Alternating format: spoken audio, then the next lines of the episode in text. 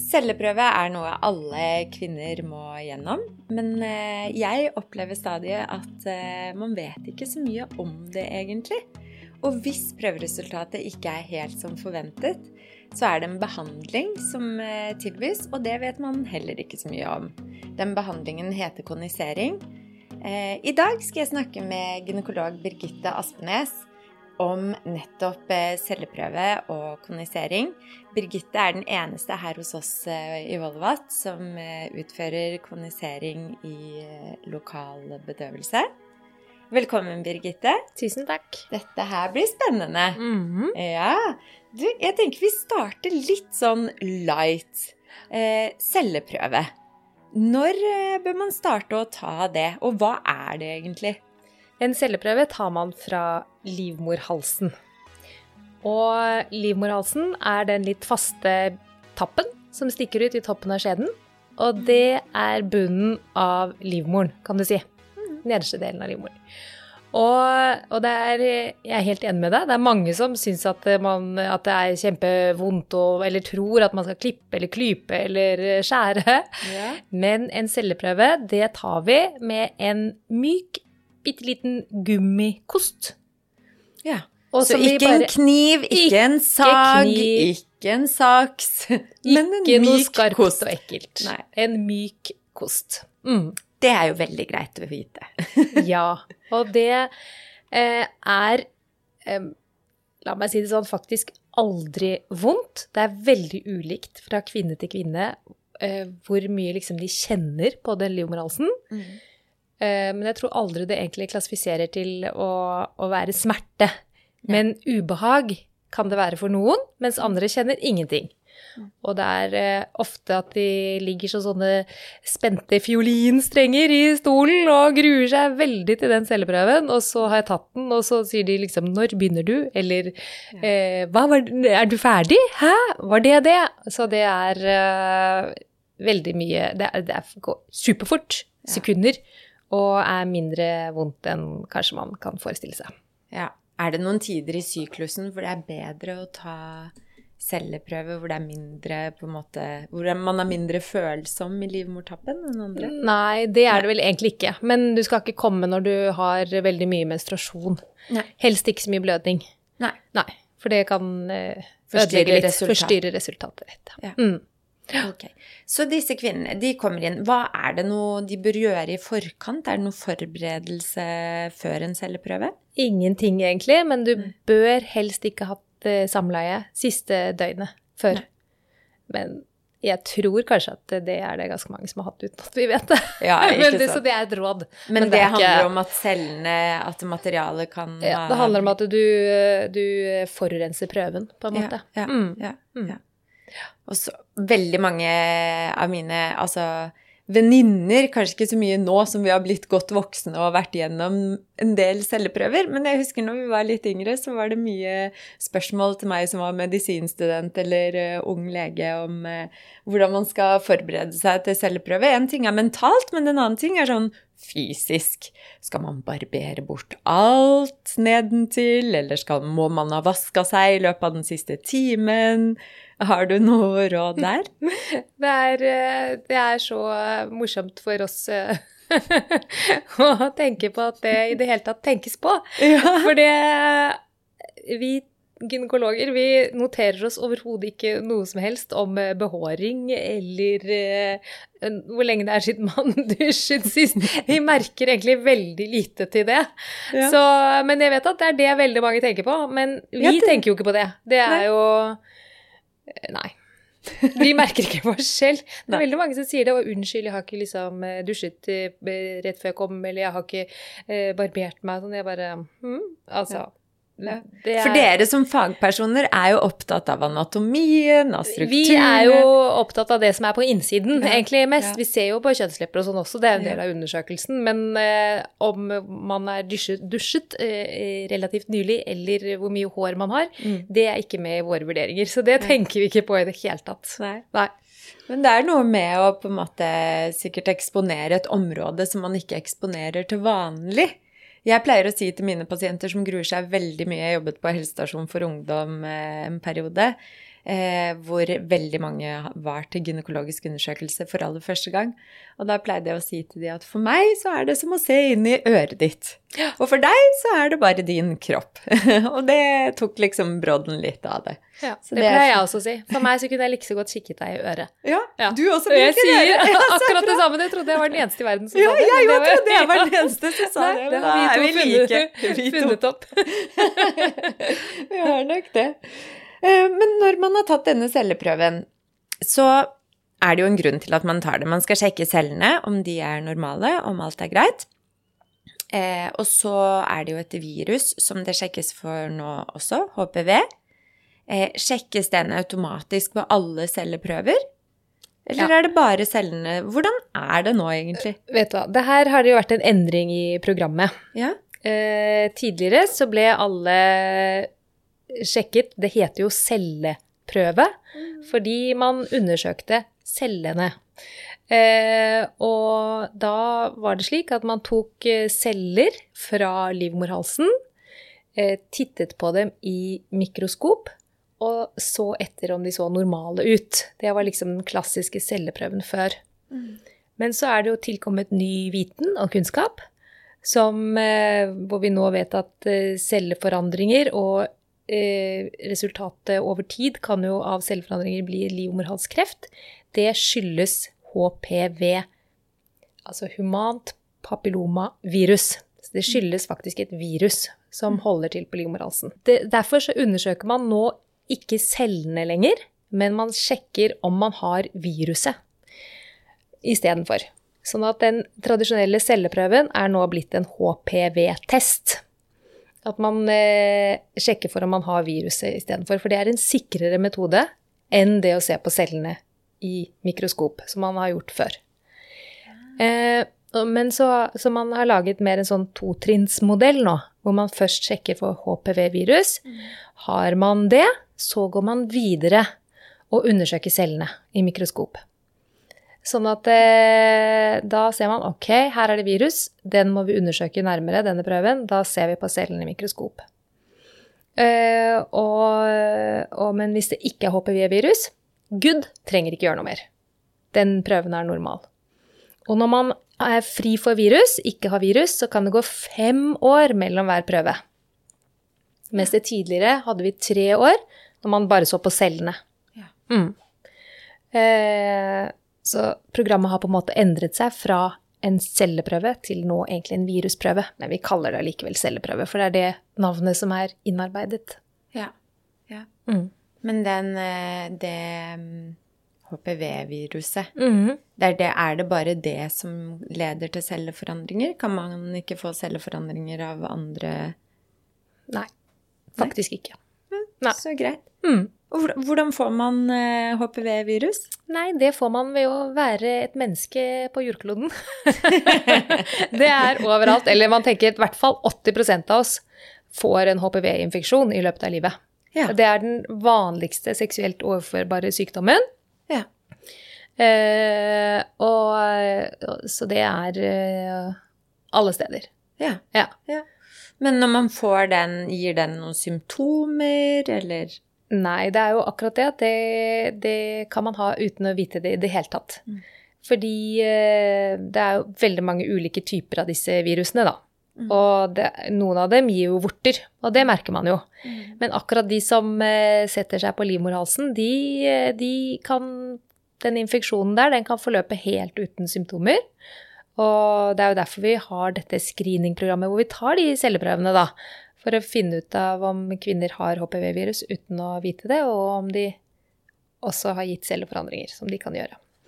Men, um, eh, men det kan gi symptomer som eh, endret utflod, eh, blødninger etter samleie eller blødninger mellom menstruasjoner. Og hvis det har eh, på en måte gått eh, over litt tid og gitt eh, celleforandringer, kanskje til og med livmorhalskreft, så kan man få smerter. Eh, og lavt i magen og, og, og mot korsryggen. Ja. Mm. Ja, ok. Ja, det er Men det er litt ut i senere ute i stadiet. Ja. Så disse celleprøveresultatene, de kommer jo tilbake til eh, kvinnene som har tatt celleprøve, som alle bør gjøre. Eh, og det er litt ulike resultater som kan komme nå i den nye eh, på en måte utgaven av celleprøvene, som egentlig er en HPV-test, som vi snakket om. Så kommer det et resultat om du er positiv eller negativ på ulike typer HPV, ikke sant? Mm. Og så eh, får man, hvis man er positiv, så får man også vite hvordan det står til med cellene. Mm. Veldig mange unge kvinner opplever jo at de får eh, et resultat eh, med uregelmessige Hvor det står uregelmessige celler eller lette celleforandringer. Og så kan jo det vekke en del frykt og angst, forståelig nok. Eh, fordi man har lest og kan om kreft, og det er jo akkurat det man skal sjekke for. Men skal man være redd hvis man får beskjed om at det er lette celleforandringer? Nei. det skal man ikke være. Det er kjempevanlig. Altså Som sagt i sted også, HPV-infeksjoner, det er 80% av oss som får det på et eller annet tidspunkt i livet. Det er kjempevanlig, og det er jo ikke farlig, sånn stort sett. Det normale forløpet er at man eh, at immunforsvaret dealer med det viruset og utsletter det, og så er man ferdig med det. Men i den perioden, på en måte mens kroppens immunforsvar jobber mot virusene, så kan det hende at man får litt uregelmessige celler på livmorhalsen. Eh, men det blir borte når viruset blir borte. Kroppen ordner opp selv? Kroppen ordner opp i de aller fleste tilfellene, og i enda større grad hos de yngste pasientene. Ja.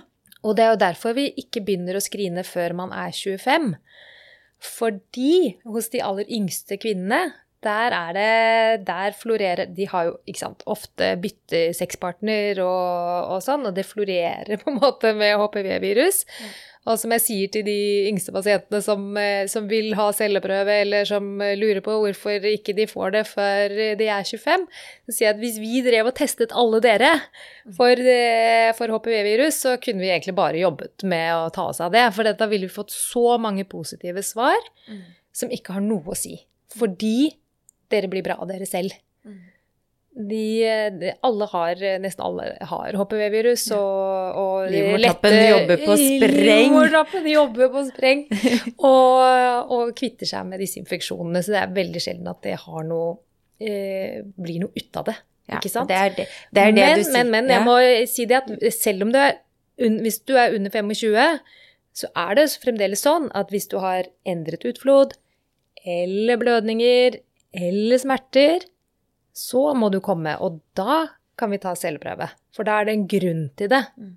Men når du er under 25, så skal det være en grunn til å ta celleprøve. Ikke, du er ikke med i det der programmet hvor man tar prøver uten symptomer. Ja, og det var akkurat det jeg ville innom, så jeg er så, så glad for at du sa det. For det er jo noen få som man har hørt om, men det er typisk de få eksemplene som setter seg veldig, som man husker.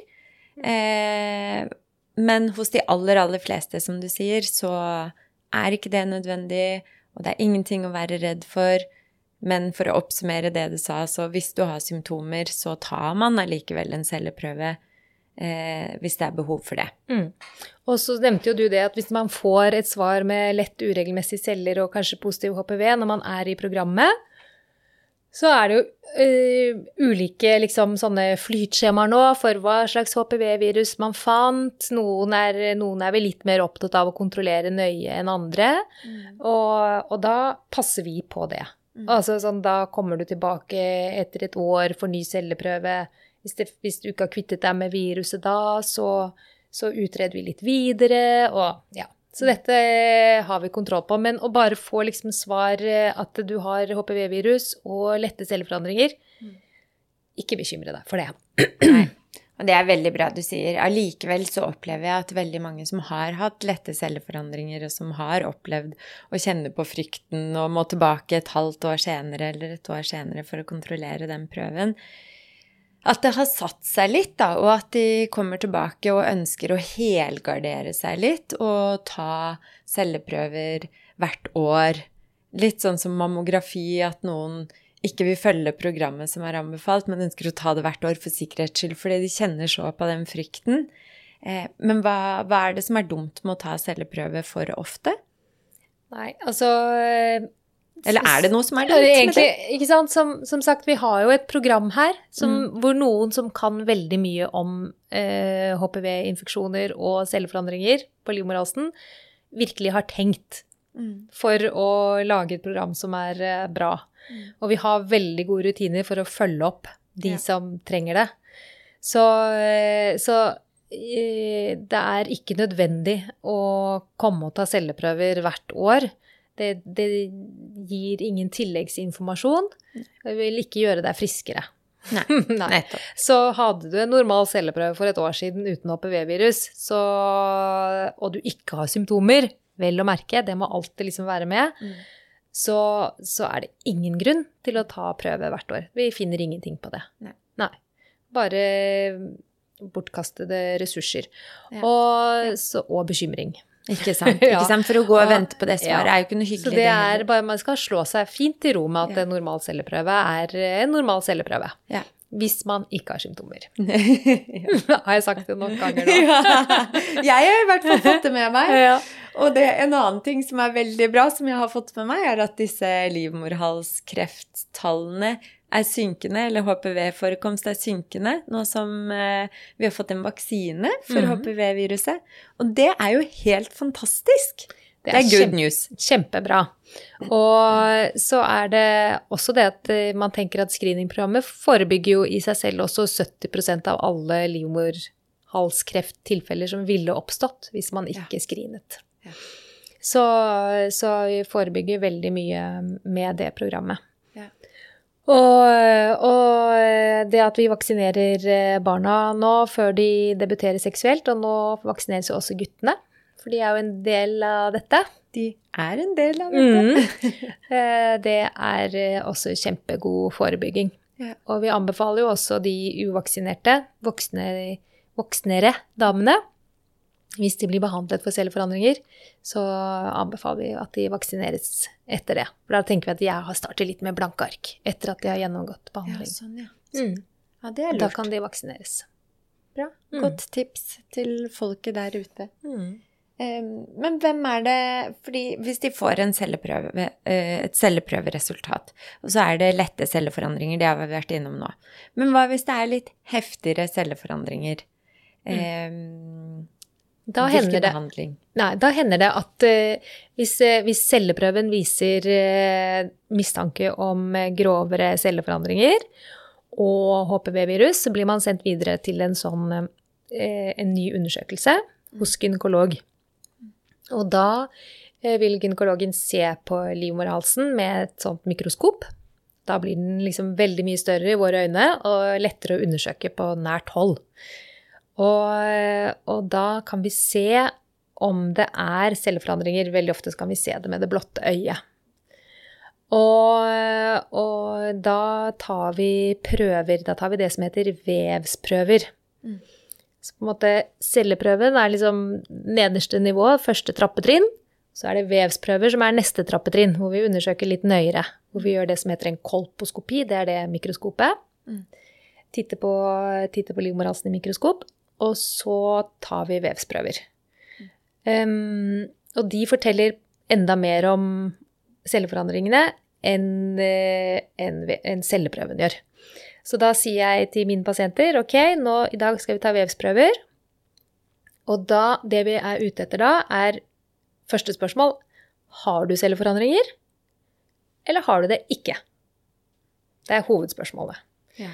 Og så, under det, hvis du har celleforandringer, er det da grad 1, som er den letteste, grad 2, som er den midt imellom, eller grad 3, som er den groveste, hvor de er de groveste celleforandringene.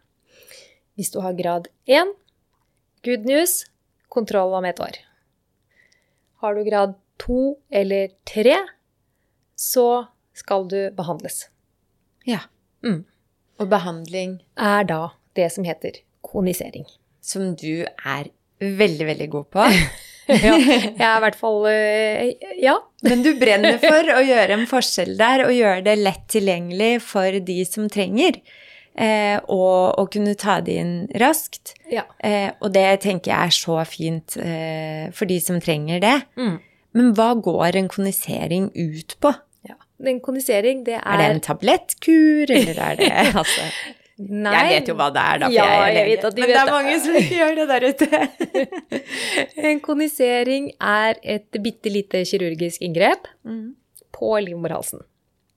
Og, og da fjerner vi dette området på livmorhalsen hvor HPV-virusene bor. Og det er litt sånn tannlegen som eh, i Karius Baktus, som borer vekk eh, husene til Karius Baktus. Så fikk jeg den eh, følelsen nå når jeg snakket om det. Men vi Å, det var litt veldig fin sammenligning. ja. det kommer jeg alle, aldri har til å sett, glemme. alle har sett Karius Baktus-filmen. Ja. Eh, så da jeg, jeg har ikke bor, da, men jeg har en liten sånn varm slynge som jeg Så jeg tar bort det området der hvor HPV-virusene bor, Mm. som heter Ja, som er noe som heter overgangssonen. Mm. Eh, og, og så Og den varme slyngen, den liksom fjerner celleforandringene og forsegler såret som blir igjen med, i en og samme bevegelse. Så det er eh, et eh, lite og kjapt inngrep som eh, gjør veldig stor forskjell. Ja, Mm. i lokalbedøvelse, og da setter du lokalbedøvelse før Jepp. Så da setter vi lokalbedøvelse først. Ja. Og da, da kjenner man Da gjør ikke dette noe vondt. Nei. Men det som er med lokalbedøvelse, at det tar jo bort alle smertene. Men man vil fremdeles kjenne berøring. Ja. Så eh, man kjenner jo at jeg romsterer, på en måte, men det gjør ikke noe vondt. Nei. Nei. Så det, og det går veldig fort. Ja. Og da er man behandlet for celleforandringer. Ja. Mm. Så greit. Tenk at en så enkel eh, behandling er tilgjengelig for eh, noe sånt som vekker veldig mye uro og følelser og frykt. Så disse kvinnene som, får, eh, som har vært hos gynekologen og fått et vevsprøveresultat som tilsier at de, det er anbefalt å utføre en kondisering, en behandling, hvordan skal de forberede seg til den behandlingen? Det spørs hvor de skal behandles, og om det skal gjøres i lokalbedøvelse eller i narkose. Eh, på sykehusene så, så gjøres en del i narkose, eh, og en del i lokalbedøvelse. Der, eh, det varierer litt fra sykehusavdeling til sykehusavdeling, og eh, pasientens ønske. Mm. Og, og hvis man skal gjøre det i narkose, da må man faste og, og forberede seg på den måten. Men hvis man gjør det i lokalbedøvelse, så kan man bare møte opp, bli kondisert og dra hjem igjen. Ja. Akkurat som en vanlig time hos gynekologen, egentlig. Så det krever ikke noen spesielle forberedelser. Det er jo helt fantastisk. Og hvor lang tid tar en sånn kondisering? Ja, fra du kommer eh, til mitt kontor til du drar hjem igjen, tar det kvarter? 20 minutter? Kvarter 20 minutter! Mm. Det er jo helt fantastisk. Og så er man fri for eh, alle de dumme cellene og HPV-en og alt. Ja, mest sannsynlig så er man det. Det er eh, sånn i etterkant at vi må jo kontrollere at alt er eh, borte. Og um, da kontrolleres man med celleprøver, da. Etter et eh, program da Ja. også, i etterkant av en sånn kondisering. Ja, og jeg er Mm. glad for at du beveger deg nå over på i etterkant av en kondisering, fordi det er vel kanskje mye av det som vekker frykt hos pasienter, eh, og mye tanker rundt selve inngrepet. Mange er redd for kan jeg bli gravid etterpå, vil jeg ha komplikasjoner under fødsel? Hva skal man tenke på etter en kondisering, og hva kan skje? Som, altså, en kondisering det er jo et kirurgisk inngrep, og så sier vi ved alle kirurgiske inngrep så er det alltid risiko for komplikasjoner. Og det er de helt vanlige tingene som blødning og infeksjon. Det er de vanligste kirurgiske komplikasjonene. Det kan oppstå etter kondiseringer også. Og så er det litt mer sånne langtidskomplikasjoner som, eh, som du er inne på. Det er, eh, er dette med gravid, i forbindelse med graviditet, da. Du kan helt fint bli gravid etter at du er blitt kondisert. Det påvirker ikke fertiliteten din. Eh, men det vi vet, er at når man er kondisert, så har man en viss risiko for å føde for tidlig, som er litt økt i forhold til kvinner som ikke er kondisert. Og når det er sagt, så må man alltid huske på at det å føde for tidlig er ganske sjelden. Det er en bitte liten prosent. Og når du dobler, kanskje, en bitte liten prosent, så er det fremdeles en bitte liten prosent. Ja. Så det at selv om risikoen er dobbel, så er det en, veldig sjelden at man føder for tidlig likevel. Ja. Mm. Men dette vet jo vi som Ja. koniserer, at det er noe vi skal tenke på. Så vi spør jo alltid pasienten først. Vi vet jo hvilken dame, vi vet jo hvilken dame jeg har i stolen. Er hun 43 og har tre barn og kunne ikke tenke seg noe verre enn å få et barn til, og ikke vil ha flere barn, så, så kan vi jo vi ta, ta litt mer av livmorhalsen, ikke sant? Og vi bare tenker her skal vi bare være sikre på å få med alt, og vi trenger ikke å tenke på å bevare dette så mye av denne livmorhalsen, for her skal det ikke bo noen flere barn inn i denne livmoren. Eh, Er det en jente som er eh, 26 og aldri har vært gravid og, venter og, og ønsker barn i fremtiden, så forsyner vi oss eh, så forsiktig som vi kan. Ja. Og da passer vi på å ta en mindre bit, men vi må hele tiden balansere liksom eh, hensynene, da. Hensynet til å, å ta så lite som mulig, men allikevel å gi en god behandling, sånn at vi sørger for at selvforandringene blir borte. Ja.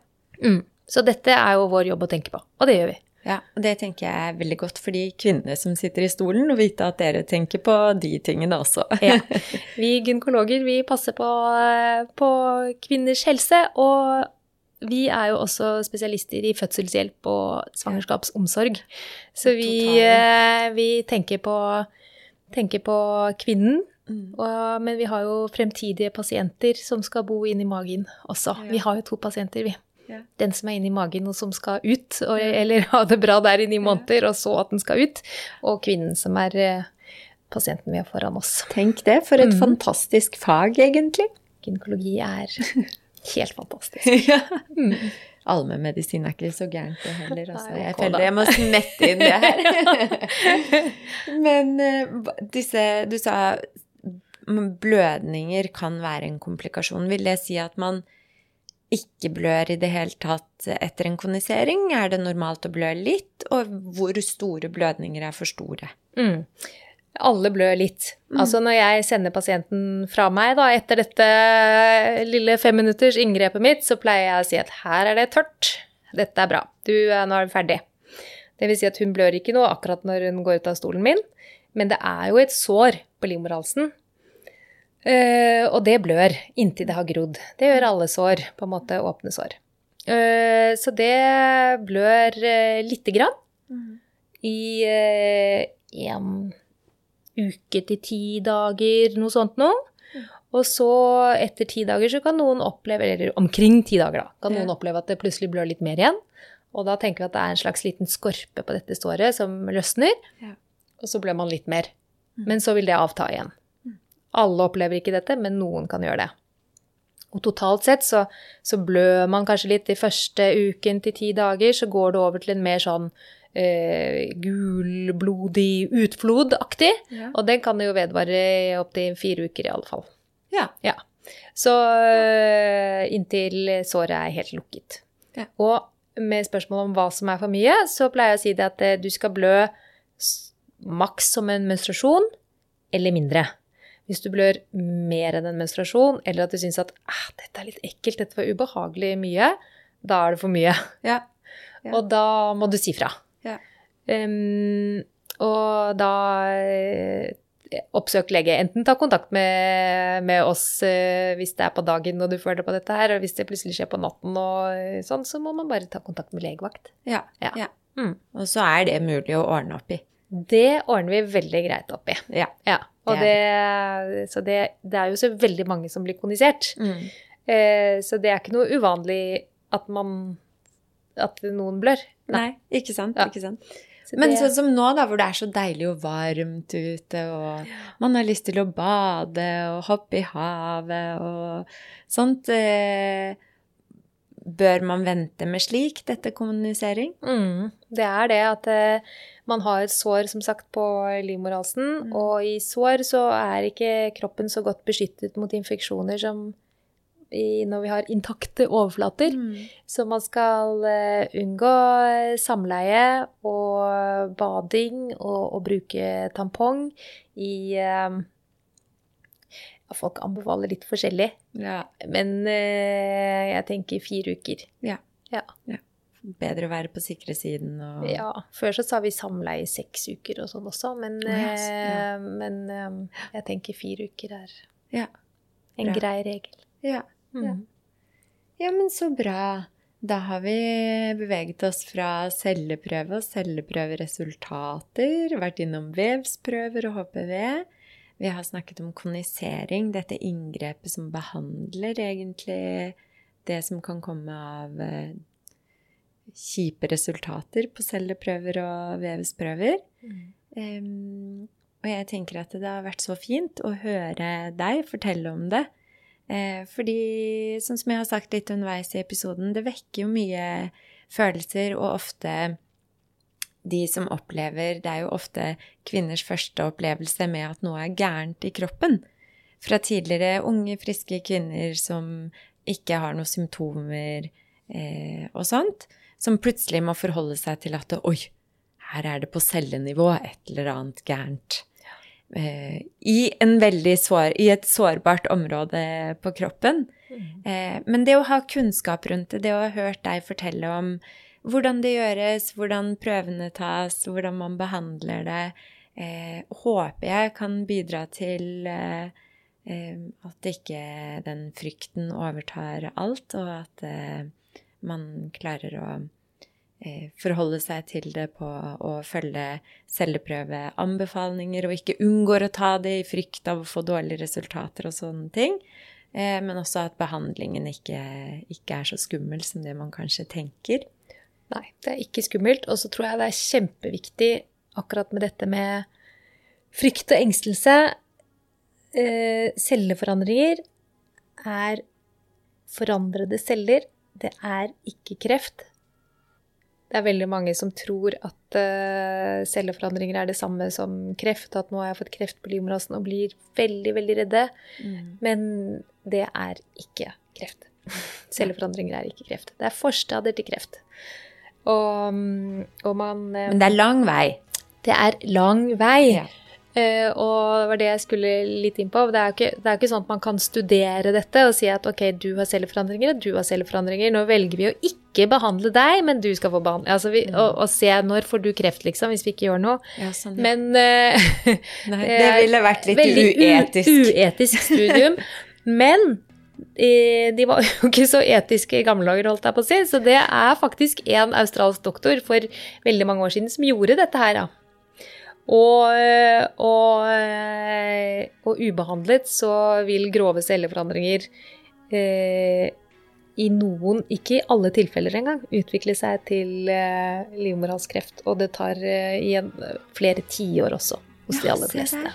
Mm. Oh, og det er så viktig å få frem og ut eh, kjempebra. Da tenker jeg at vi kan avrunde med akkurat det. Mm. Eh, og håper skuldrene til noen der ute har falt litt ned eh, med dine kloke ord, Birgitte. Veldig takknemlig for at du tilbyr den koniseringen vi har her på Volvat nå, i lokal bedøvelse, som er enkel og tilgjengelig, og som du sa, kjapt inn og ut, og så er det gjort. Eh, så tusen takk for at du kom hit i dag. Takk for den fine praten. Jeg har lært masse, håper dere der hjemme har lært litt. Og så snakkes vi neste uke. Ha det bra. Ha det!